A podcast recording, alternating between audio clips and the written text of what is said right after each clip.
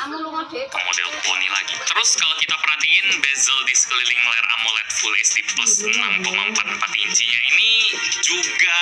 nggak bisa dibilang premium sih, masih kelihatan lumayan tebel bezelnya. Mesin getaran yang dipakai di V20 juga rasanya agak kasar gitu pas dipakai buat